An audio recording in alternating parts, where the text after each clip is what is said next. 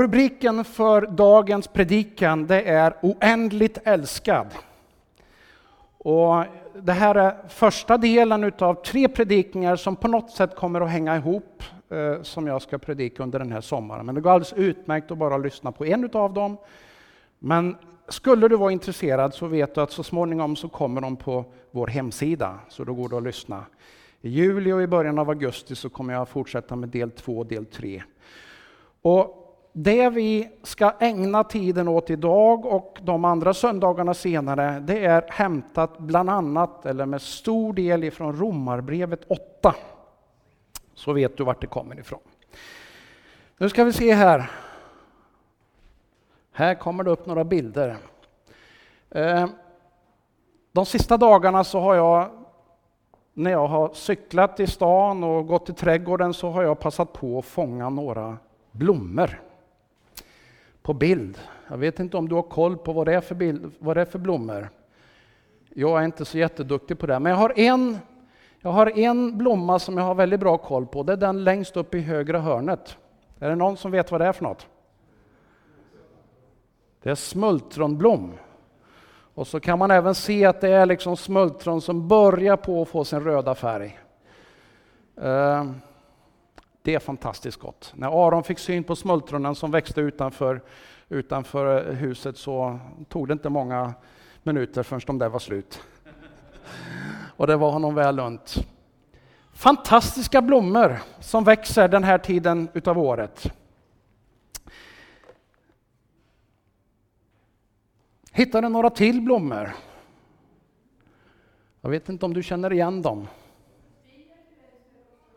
Ja, det är lupiner där och smörblomma tror jag en heter där och hundkex. Och... Jag vet inte vad du ser när du ser de här blommorna. Jag vet inte vad du såg när du såg att Fotola lämnade över sådana här rosor till några nya medlemmar. Men jag ska berätta vad jag ser. Jag ser en hand som sträcker ut och visar sin kärlek. För eh, några dagar sedan så firade Anette och jag bröllopsdag. Och eh, vi var ganska upptagna den där dagen, men vi lyckades få till en lunch i alla fall. Och så lyckades jag ordna så att när hon kom hem så stod det en bukett blommor på köksbordet. Vad var det ett uttryck för? Det var uttrycket för min kärlek till henne som är minst lika stor, eller helst, eller egentligen större idag, än den var för 31 år sedan. Och när jag tittar på de här blommorna, då ser jag ett uttryck för att det är någon som sträcker ut en hand, en kärlekshand och försöker att kommunicera. Jag älskar dig. Jag älskar dig.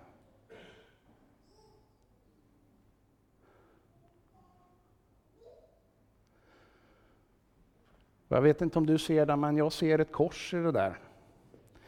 Vi har ju ibland symbolen ett hjärta som liksom symbolen för kärlek och jag tror att det är en fin symbol. Men vi har en annan symbol som är oerhört fin och oerhört stark. Vi har den här exempelvis. Och jag tror inte att du hittar en kyrka utan att du kommer att se den symbolen på ett eller annat sätt. Det är en symbol som en gång i tiden var symbolen för förnedring och misslyckande. För skam och straff.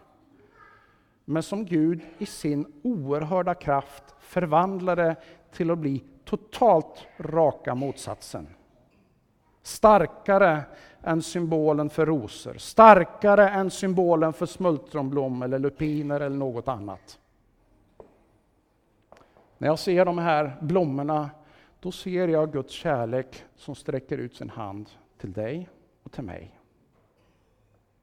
Och när du ser de här blommorna längs med vägen eller ute på ängen, så sträcks de ut, inte till bara några få människor, som idag som har bestämt sig för att följa Jesus, som har bestämt sig för att låta döpa sig, utan de sträcks ut till varenda enda människa som går förbi och som vill öppna ögonen och se. Jag ska läsa en text ifrån just Romarbrevet. Och vi gör lite tvärsom. Vi börjar med slutet nu och så kommer vi komma till de andra delarna i återkommande predikningar. Från Romarbrevet 8 och 31 så står det så här. Vad ska vi nu säga om detta? Om Gud är för oss, vem kan då vara emot oss? Han som inte skonade sin egen son utan lämnade honom för oss alla, utlämnade honom för oss alla. Hur skulle han kunna annat än också skänka oss allt med honom? Vem kan anklaga Guds utvalda? Gud är den som frikänner. Vem är det som fördömer? Kristus, Jesus, är den som har dött, ja, än mer, den som blivit uppväckt och sitter på Guds högra sida och vädjar för oss. Vem kan skilja oss från Kristi kärlek? Nöd? Eller ångest? Förföljelse? Eller svält? Nakenhet? Fara? Eller svärd? Det står skrivet, för din skull dödas vi dagen lång, vi räknas som slaktfår. Men i allt detta vinner vi en överväldigande seger genom honom som har älskat oss. För jag visst att varken död eller liv, varken änglar eller förstar, varken något som nu är eller något som ska komma, varken makter i höjd eller djup eller något annat skapat ska kunna skilja oss från Guds kärlek i Jesus Kristus, vår Herre. Wow, vilken text! Jag tänker att en av människans absolut största längtan i livet, vad är det för något? Och det är just att vara älskad.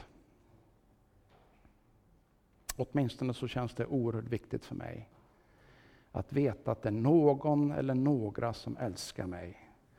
Jag uppskattar att få uppmuntrande ord, men jag inser att alla kommer inte att tycka som jag. Alla kommer inte att, att gilla det jag gör eller det jag säger. Alla kommer inte att älska mig.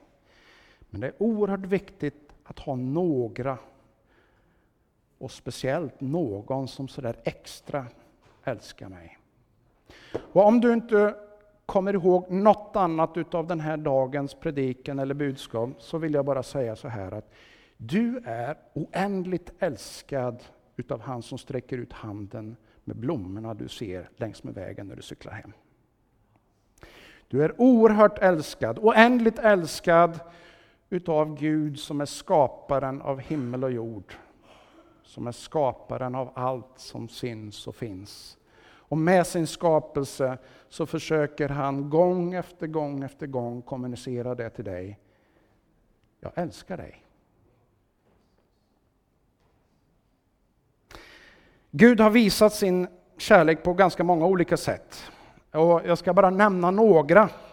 Bland annat så står det i första Moseboken så här att, att Gud skapade människan till sin avbild.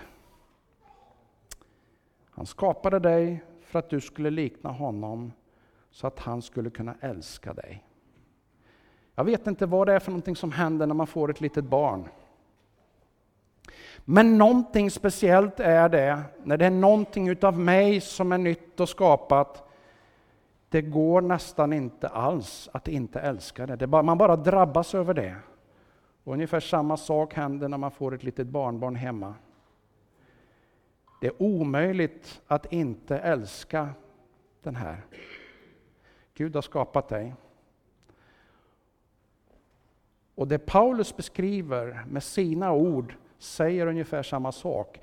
Det finns ingenting, finns ingenting som kan skilja dig ifrån hans kärlek till dig. Det vill säga att om du drabbas utav hunger eller om du drabbas av svält eller du drabbas av sjukdom eller du drabbas av att bli utvisad till ett land som du fruktar, så är det jobbigt. Det är besvärligt, det är eländigt. Men likväl så kommer det inte att separera dig, det kommer inte att ta dig bort ifrån Guds kärlek. Utan kanske är det just då som du upplever Guds kärlek som allra starkast. Därför att Guds kärlek är inte som vilken kärlek som helst. Utan den har en kraft, en kraft som kan förvandla och som kan göra en stor, stor skillnad. Paulus skrev så här, om Gud är för oss, vem kan då vara emot oss? Det är en fascinerande tanke. Om, om nu Bibeln är sann, som säger att Gud har skapat allting, på himmel och jord, universum, alla planeter, Gud har skapat alla blommorna som vi såg, han har skapat dig och mig, han har skapat förutsättningarna för fortsatt skapande här på jorden. Om han som är så oerhört kraftfull och stor, om han är för oss, vem skulle egentligen kunna sätta sig upp mot det? Har du något bra förslag? Ja, det kan ju vara de som försöker, men det är ju ingen som har något att komma med, eller hur? Mm.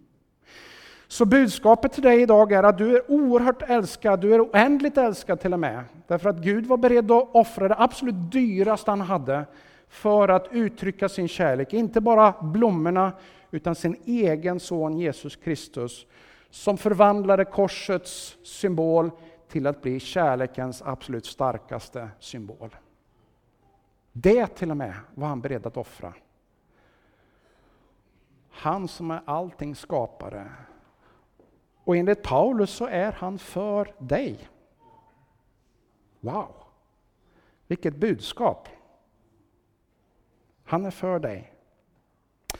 Det står också lite på ett, på ett ställe här eh, lite tidigare i Romarbrevet 8, du får hemskt gärna läsa den när du kommer hem.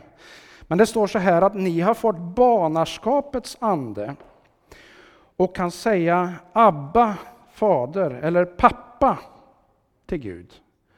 Det är så att Gud som är så stor, han är inte liksom långt borta, han är inte någon som man knappt vågar närma sig. Nej, den relation som Gud bjuder in till, det är den här nära relationen när den är som allra bäst mellan far och son, mellan förälder och son. Kanske mellan morfar och barnbarn. Pappa. Det är okej okay att krypa upp i knät. Det är okej okay att komma springande som Aron gör när man kommer hem. Babo, babo, babo! Och bara uttrycker sin glädje och kommer och kramar.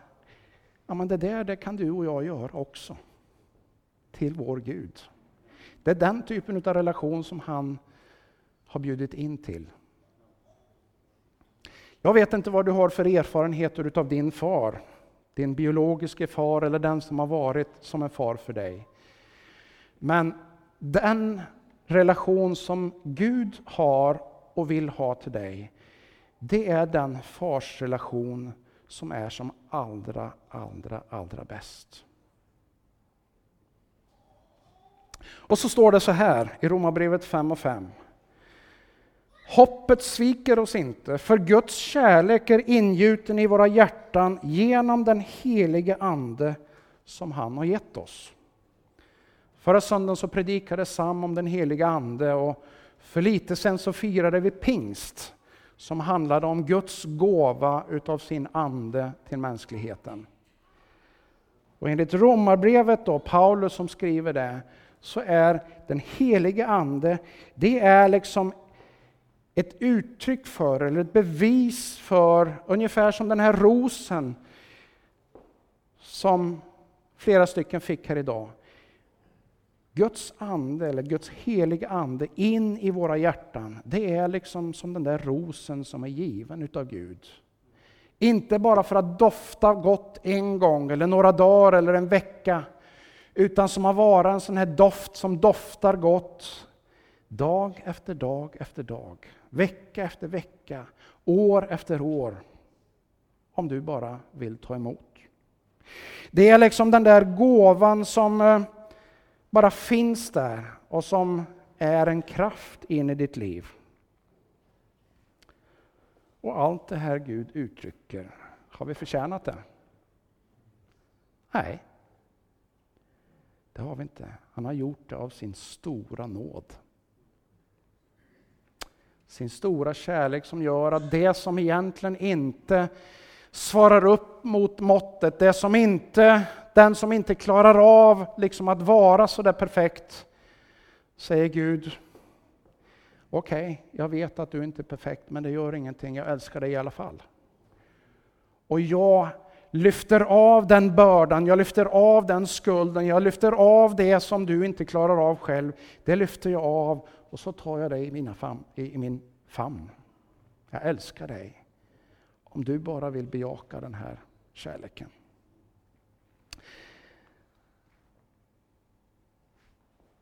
När Gud sträcker ut sin hand så blir du samtidigt inbjuden av att faktiskt ge respons på Guds kärlek.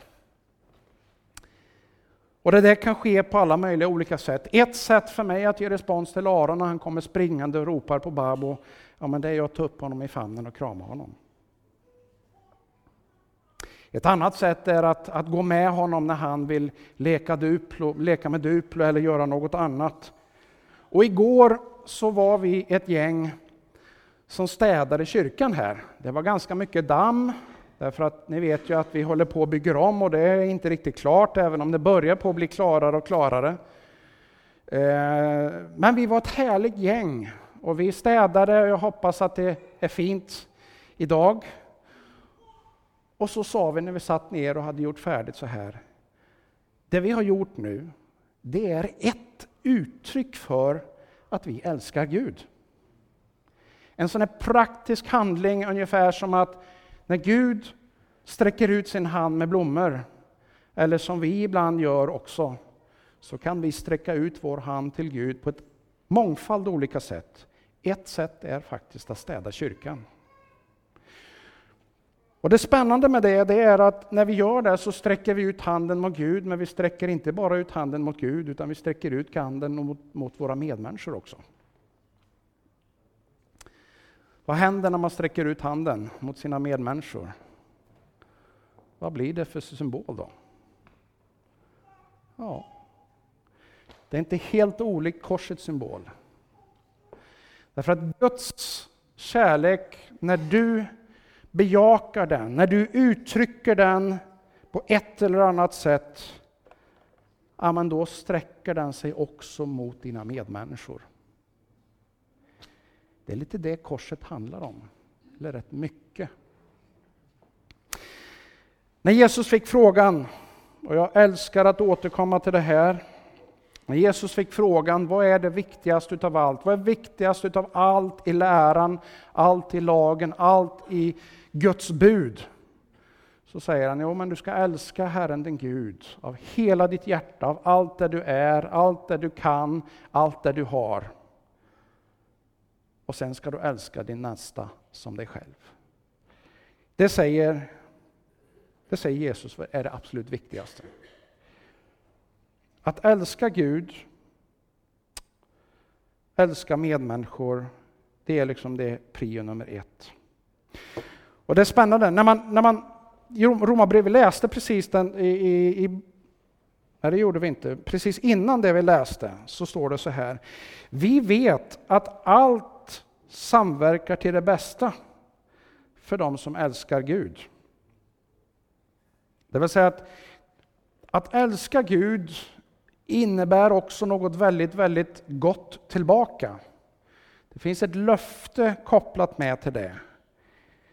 Det kan vara väldigt besvärliga omständigheter. Men för den som älskar Gud så kommer det i slutändan ändå att landa till någonting som blir riktigt bra. Johannes 14 så står det så här att den som håller Jesu bud, den älskar honom. Och I 15 kapitlet så står det så här att man blir kvar i Guds kärlek om man håller Jesu bud. Och kärlek måste alltid uttryckas i väldigt konkreta handlingar. Vilka är Guds kärleksspråk? Jo, Guds kärleksspråk är just nåden som tar sig uttryck på lite olika sätt. Hans hand som sträcker ut blommor till dig. Hans hand som bryr sig om dig mitt i din mörkaste och besvärligaste stund. Hans hand som lyfter av synd och skuld när du kommer till honom. Igår när vi satt runt bordet i kaféet och pratade så hade vi en av våra medlemmar i serviceteamet som har ett brokigt bakgrund. Som har varit med i kriminella saker, som har varit med i missbruk och som har haft ett jobbigt liv. Men för 23 år sedan så hände någonting. För 23 år sedan så drabbade Guds kärlek. Och det blev liksom vändpunkten som gjorde att det liksom förändrades totalt. Guds språk var att ge nåd för allt det där som låg bakom och så började ett nytt liv att resa sig upp med hjälp av Guds förvandlande kärlekskraft. Ditt kärleksspråk till Gud, vad är det då? Jo, det kan vara att städa i kaféet. Det kan vara att ge utrymme för Gud i ditt liv medvetet. Inte bara så där på söndag när du går i kyrkan kanske. Utan i din vardag. Det kan vara att uttrycka din gudslängtan med känslor, med ord, konstnärligt skapande. Här i onsdag så satt jag med en av eh, våra härliga unga människor i språkcaféet. Ehm, och mig veteligen så har den här personen ännu inte bejakat, åtminstone inte Jesu kärlek. Men så berättade han för mig, för jag frågade vad ska du göra i sommar då? Ja, så berättade han lite grann om det. Men jag skulle vilja måla en bild utav Jesus. Ja, det var intressant, sa jag. Vad är det för någonting som inspirerar dig till att måla en bild av Jesus? Och så började han att berätta lite grann om Jesus. Längtan till Gud kan uttryckas på många olika sätt. Men längtan med kärleken den uttrycks alltid genom någon handling. Och min fråga till dig är, vad är din kärlekshandling i respons på Guds oerhört stora kärlek? Det finns ingen av oss som kan liksom matcha Gud. Därför att hans kärlek är så oerhört stor. Men alla av oss kan göra någonting. Om vi vill. Vi är inte tvingade, men vi har möjligheten av att uttrycka vår kärlek tillbaka. Respons på Guds stora kärlek.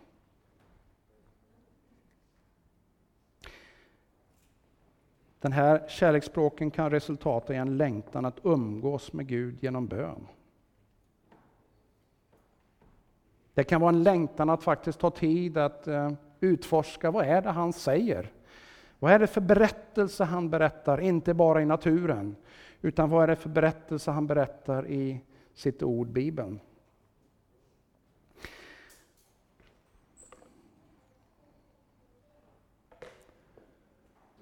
Guds kärlek,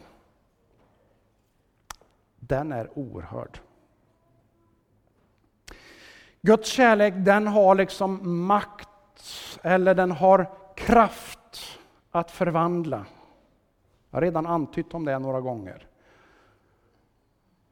Och din kärlek till Gud, den liksom när den hämtar energi utav Guds kärlek till dig, de där två tillsammans, den där liksom ömsesidiga kärleksuttrycket, där Gud uttrycker på sitt sätt, med sitt kärleksspråk mot dig, och där du kanske lite tafatt, kanske lite famlande, kanske ett litet steg i taget börjar uttrycka din kärlek till Gud som en respons på hans kärlek.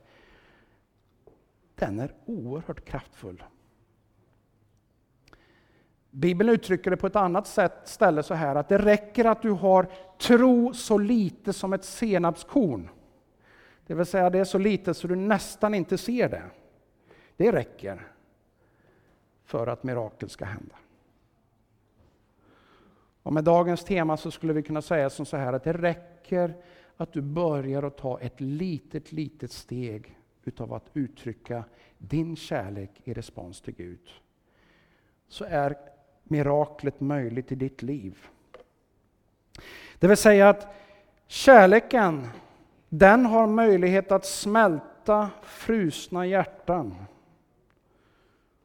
Och den har möjlighet att lösa upp hårda knutar.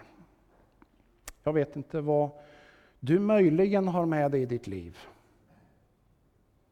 Men skulle det vara så här att du har någonting som är knutet, någonting som sitter fast, någonting som liksom låser sig. Då finns det möjlighet för Guds stora kärlekskraft att verka.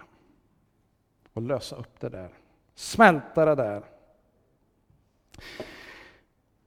En del säger, och jag har själv hört det, ja, men Gud kan inte älska mig. Det jag har gjort, så jag har betett mig. Det är omöjligt. De goda nyheterna det är att det är visst möjligt. Gud kommer aldrig att älska de onda gärningarna. Gud kommer aldrig att älska synden. Gud kommer aldrig att älska det som är felaktigt. Men han kommer alltid att vara beredd att älska dig. Och samtidigt som han gör det så är han beredd att också ta tag i dig och lyfta dig upp ifrån det som har bundit dig. Göra dig ren och hel och ge dig ett liv fyllt utav glädje, fyllt utav kraft, fyllt utav inspiration. När Guds kärlek börjar att verka i våra liv, när vi bejakar den och ger utrymme för den, då, då händer det någonting.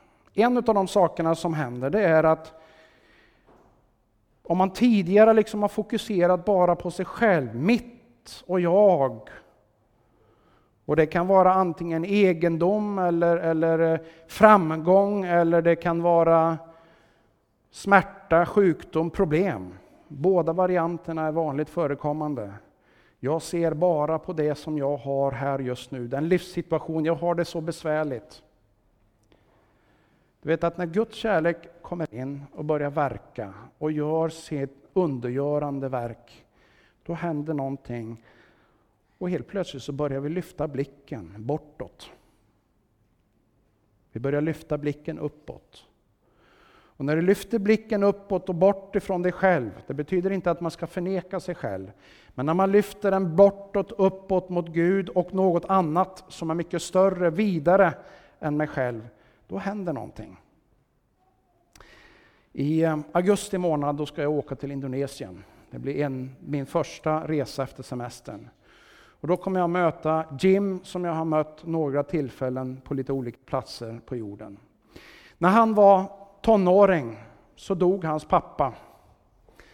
De yngre tonåren och han eh, blev så oerhört frustrerad och ilsken på Gud, varför tog du min pappa? Så han gjorde revolt och det ledde till både kriminalitet och droger och det ena och det andra. Tror ni Gud slutade att älska honom? Nej. Istället så sträckte Gud ut sina armar till honom. Och när dagen var kommen, då bejakade Jim. Och efter allt det där kriminella och det här drogproblematiken som hade drabbat honom i hans liv, så ställde Gud honom på en stadig grund igen. Och så gjorde Gud något nytt i hans liv.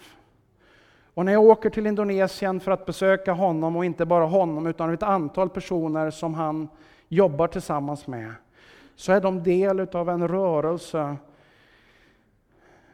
med människor som har fått tag på Jesu kärlek. Som bara växer och växer och växer. En rörelse med, jag vet inte exakt idag, för något år sedan eller ett par år sedan så var det 28 000 människor som älskar Jesus, med start ifrån en handfull människor som delar den här tron, den här glädjen med sina vänner och utforskar vem Gud är och delar det vidare och delar det vidare och så har det bara växt till en rörelse. Alltså när Guds kärlek får drabba oss, då kan det hända någonting. Då kan den där kriminella bli ett nyckelredskap till att förvandla inte bara en plats, utan kanske ett land. Jag har hört många av hans berättelser där eh, drogmissbrukare, där kriminella, där eh, prostituerade som sitter liksom riktigt i klistret. Amen, steg för steg så reses de upp till människor som får en glädje och en stolthet och som får sin rättfärdighet, som får sin identitet i att jag är Guds barn.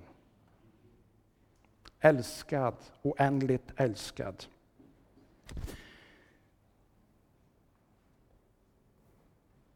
Vi sa förut så här att Gud har gett sin ande. Och det här kapitlet Romarbrevet 8, vilket jag ska återkomma till och koppla till mer, talar ganska mycket om Guds ande och vad Guds ande innebär i det vardagliga livet.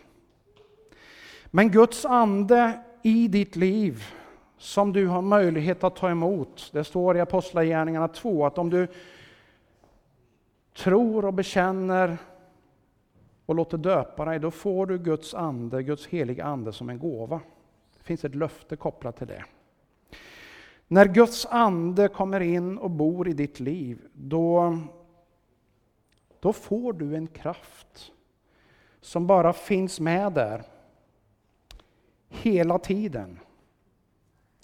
Som finns med där och som kan förvandla din värsta livssituation.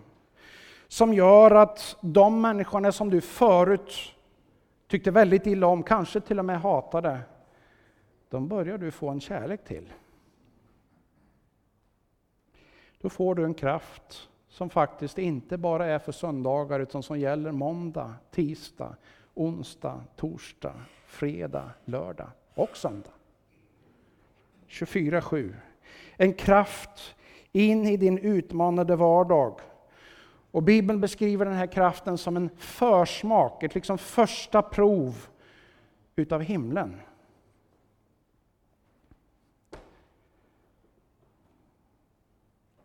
Himlen är fantastisk.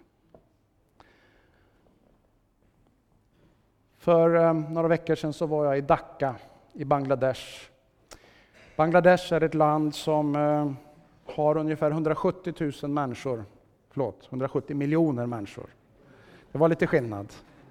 Och bara i Dhaka, då, huvudstaden i Bangladesh, så finns det ungefär 15 miljoner människor. Några av dem träffade jag ni ser dem på bilden där. Ett härligt gäng med unga människor som älskar Jesus. Några som har varit muslimer, andra som har vuxit upp med den kristna tron, men som alla är fascinerade och älskar och tagit emot Guds kärlek genom Jesus Kristus. Vad är det de håller på med? Jo, de sträcker sig ut mot framförallt studenter och unga vuxna i Bangladesh. Det finns kanske två miljoner utav studenter i Bangladesh och framförallt Dhaka. Då. Eh, de jobbar mot att visa dem på Guds stora kärlek. Och så fick jag tillbringa en knapp vecka tillsammans med dem för att ge dem lite mer verktyg, för att liksom ge dem lite vidare perspektiv och peppa dem, uppmuntra dem, coacha dem till att ta tydligare steg. När Guds kärlek drabbar oss, då händer det att människor är beredda precis som Josefin som står där mitt i bilden. Några av er har mött henne när hon var här förra året. Som kommer ifrån Frankrike, men som har lagt över tio år i Bangladesh. Ett land som hon var livrädd för. Men när Guds kärlek drabbar henne, så är hon inte bara beredd, utan känner glädje att åka dit och jobba, starta det här teamet som nu målmedvetet försöker att dela Guds kärlek med de andra. Bangkok återkommer vi till i vår församling. Där har vi våra missionärer Daniel och Paulina Brolin. Och eh, Bangkok ligger mellan ett antal länder, Laos, Burma, Kambodja, Malaysia, eh, som finns riktigt nära. 15 miljoner människor i Bangkok. Mindre än 1 procent, eller maximalt 1 procent, som faktiskt riktigt känner Jesus som sin frälsare. Och där vill vi göra en insats genom Life Church, genom Daniel och Paulina. Där har jag varit ett antal gånger. Den här bilden är tagen när jag undervisade en vecka eh, på Life Church bibelskola där med några härliga unga människor. I december så kommer vi att göra en resa härifrån Karlstad. Anette och jag kommer att förflytta vår bostad till Bangkok för fyra månader. December, januari, februari, mars kommer vi vara där.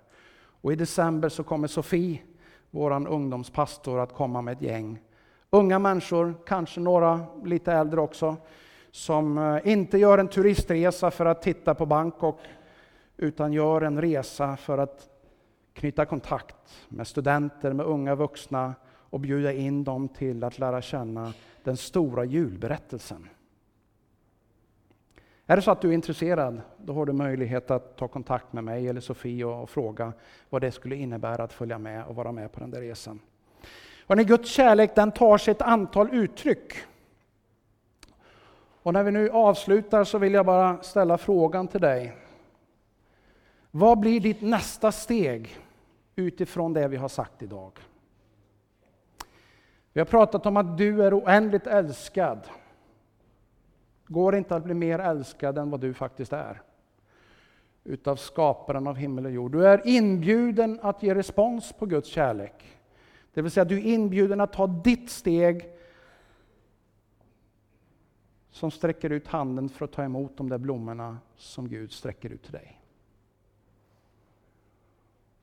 Och i det så finns möjligheten utav en förvandlande kraft.